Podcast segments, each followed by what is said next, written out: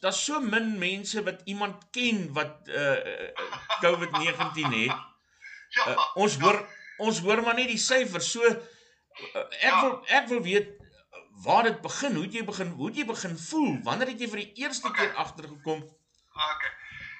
Ek sê terug van die storie te kyk ons ons ou bulle nê, ons ou lagoon bulle in die veld. Ons leer teen die tyd om ons liggame redelik goed ken. En ehm um, ek is ek was baie bewus van Gewees alhoewel ek hierso in die Kaapstad in 'n heeltemal 'n grendel grendeltyd was. Ek, het my ek het baie min in die huis uit beweeg. Ek het een keer elke twee dae gaan stap of miskien elke derde dag na 'n winkel toe gegaan. En ek het so 3 en 'n half weke. Toe voel ek net, Isak, jy weet, 'n ou voel as iets is nie lekker nie. Dit was nie soos 'n griep nie, maar dit ek het 'n bietjie onvas op my voete gevoel. En ek het net gevoel iets engine, hierdie engine slaan nou oor waar hy nie moet oorslaan nie. Ja. En ehm um, dit's 'n bietjie van die hipikonders wat ek wat my, my pa geërf het. En ek is maar nou bewus van hierdie COVID ding.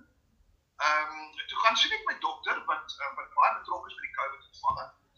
My my my my algemene praktisyn en sy toets toe vir sy sy doen toe 'n screening koors en long suurstof trans bloed suurstof transfusie en al daai goed. Sy vind nie enkele aanduiding dat ek dalk COVID mag hê nie. Maar sy sê ek het wel 'n bietjie van 'n sinus gestop. Wat ek maar kry so elke jaar en 'n half, 2 jaar. Daar sit my antibiotika voorskryf en sy sê dit is met my Emil aangesien ons weet dit daai stadium met die siekte was 4 en 'n half, 5 maande oud gewees. Aangesien ons mediese so nog so min oor die siekte weet en jy het nou hierdie die sinus ding en jy voel nou nie heeltemal 100% nie. Gaan vir 'n COVID toets. Sê ek right, nee, verseker. En ehm um, ek ry toe deur na uh, die toetsentrum toe, sit lekker in my kar, praat met die tannies, kry die swab en ek het ek het verder niks meer eintlik gedink daaraan nie. Die ons sy moes nou vir my gesê, my GP het gesê, jy simptome, jy het nie koors nie, jy het nie geen simptome nie. Ja. En vragtig 2 dae later toe kom dit my positief. En ehm um, toe is ek ook 'n bietjie geskok geweest en nou moet jy maar almal hierso by die huis isoleer en jy moet met COVID sentrum praat en al daai kant van goed. So ek het basies 24 uur gevat om albei sake reg te kry. Almal geïsoleer gekry. Almal met wie ek in kontak was, baie met mense was se name deur te gee aan die aan die, aan die COVID uh, sentrum toe. En ek sit met daarso. My just like en toe na presies tot 24 uur na die is, toe begin ek werklik waar verskriklik sleg. En ek hoor almal se simptome, want baie mense se simptome is anders. Uh, Party mense sê hulle kry wat hulle voel 'n groot griep of 'n bronchitis of 'n verkoue.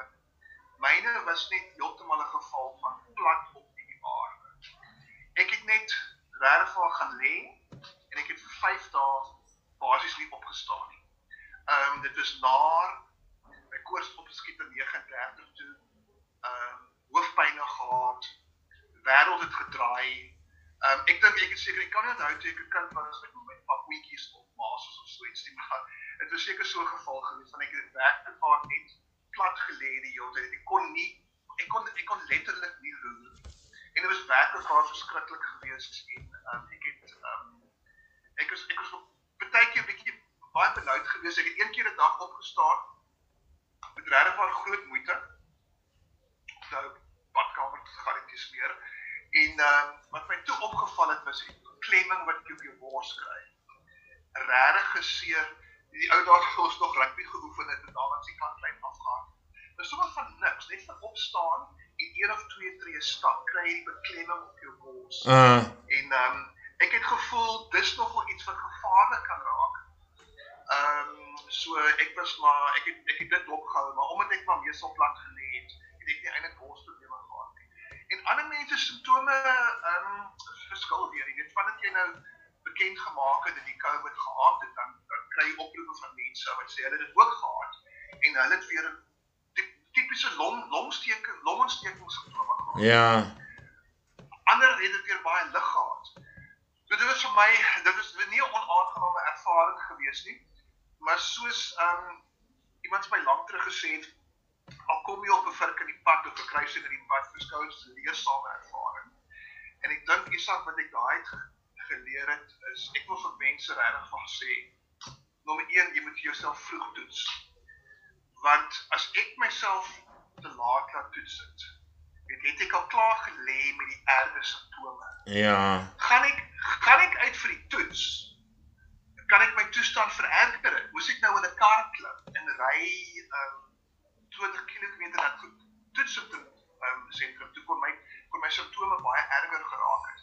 En die ander ding is wat my wat obviously net skrikkelik is dat ek ek 'n draer was vir 'n hele groep van dae.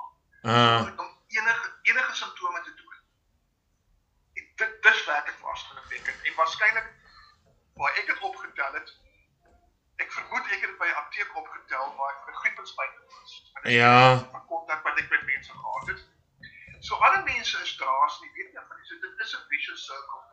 So ja, jy weet jy het aan die begin van ons gesprek ek het nie vir die van die dag af gepraat nie.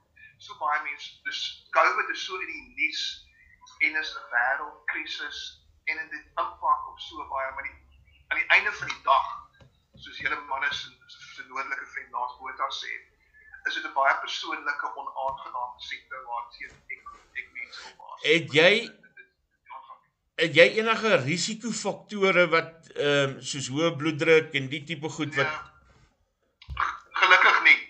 Ehm um, en die dokter het ook vir my gesê toe ek by my wanneer was dit wat se dag is dit vandag dit is nou Dinsdag verlede Dinsdag toe kry ek my all clear maar die dokter nou sê okay ek dra nie meer die virus nie ek is nie aansteeklik dis nie dus hy het my gesê ek het 'n matige ehm um, matige ek het redelik matig gehad.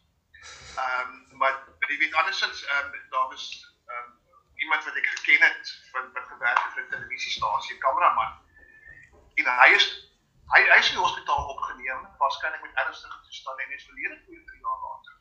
So dit dit dit, dit dit is, dit is baie erg ding en ek wil net mense sê die ander ding is Isak, ehm um, jy kan nie die ding op jou eie hanteer nie. Ek het dit nou matig gehad. Ehm um, ek was op standby gewees om hospitaal toe gaan indien nodig. Hulle sit jy daar op die lyse swaan. Ek hoef dit nooit gedoen het nie, dankie Vader. Maar ek wil net vir iemand mense sê as jy dit kry, moenie sorg dat mense weet van jou. As jy alleen bly, uh sorg daar daar's iemand wat weet jy het dit of beter nog, daar's iemand wat dalk 'n afgesonderde plek kan bly en vir jou nou en dan net water kan aandra of of iets van want jy wil nie die ding op jou eie deur gaan nie. En die ander simptome ja, sorry, ek wil net sê die ander simptome is jy het glad geen eetlus nie. Ek het 'n hele paar kilogram afgegooi. Rare. In daai 5 daai 5 dae jy kan net niks eet nie. My vrou het op 'n kol net vir my so van daar van die gang af geskree, luister, jy moet nou iets eet want jy gaan nie jy, jy moet jou krag herwin. So ek het so elke dag so klein ou yoghurt smoothie gehad. Dis omtrent dit. Ehm uh, maar verder dit was 'n 5 wat 'n 5 baie aangenaam gewees. Het jy die vrees gehad om dood te gaan? Isak, die ding is, um, jy, jy jy weet nie wat volgende gaan gebeur nie. Um, en, en, en dit is hoekom ek nou ek 'n vyf verplasing daaroor gemaak het. Want dit is dit is uncharted territories. Um, en jy weet nie wat die volgende stap met die siekte is nie. Ek ek wil definitief nie meer dramaties en oordramatiseer nie, maar hier by die tweede, derde dag het ek gevoel, luister, hierdie ding is baie erg en ek gaan miskien mense sê om my na hospitaal moet vat as ek nie gou as ek nie gou begin beter raak. Want so kan dit nie aangaan nie. En as dit aangehou het vir langer as daai 5 dae, sou ek waarskynlik hospitaal toe gegaan het en dit dit is maar groot onsekerheid. Maar ek moet bysê Isak dat jou kop is so deurmekaar. Jy kan nie lees, TV kyk, radio luister, podcast luister of enigiets. Jy's ook so 'n halwe beswyming. So ehm um, mense se denke oor fatalisme is so was nie heeltemal heeltyd by my gewees nie. Ek wou maar net elke dag elke dag deurmaak en en ehm um, en en, en beter raak. Ehm um, Emil, daar's nie medikasie daarvoor beskikbaar nie. Wat het jy gebruik om uh, dit te verlig, die simptome te verlig en het dit gehelp? Ehm um, ek het so elke dag twee districts gesluk, maar net just to go through the motions in die hoop dat die hoofpyn ehm um, of die die naagheid gaan temper, maar ek sou nie ek eh, dit het dit nie eintlik dit het nie geld nie. En daar daar's niks daar's niks wat jy beter. Dit is nakkeling daar. En ehm um, bietjie frustrasie is weet dis ek by elke twee vir jaar 'n baie griep kry my lekker pak aan antibiotika en jy jy sien nou die wel nie lekker bepaal van die dokters wat ook sê lekker pak is nie gepaste uitdrukking nie. Maar jy weet daarom daar's iets daar. So hierdie ding daar's niks op voorgeskryf nie. Jy moet just bring and bear it. Dra dit deur. Sien dit deur en as dinge erger raak moet jy hospitaal toe gaan. En gelukkig was ek nie ek nie.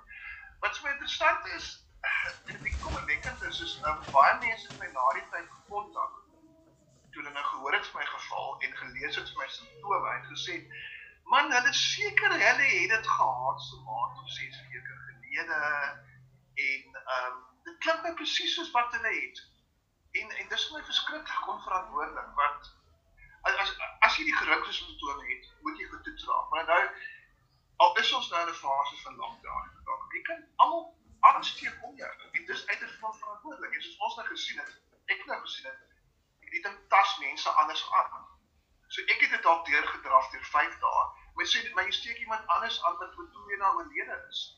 Um, so so sodra die simptome begin wys so ek het regtig sê toets kry dit agter rug en sien presies waar jy staan Verkeersboetes behels meer as 'n klein ongerief met minimale gevolge.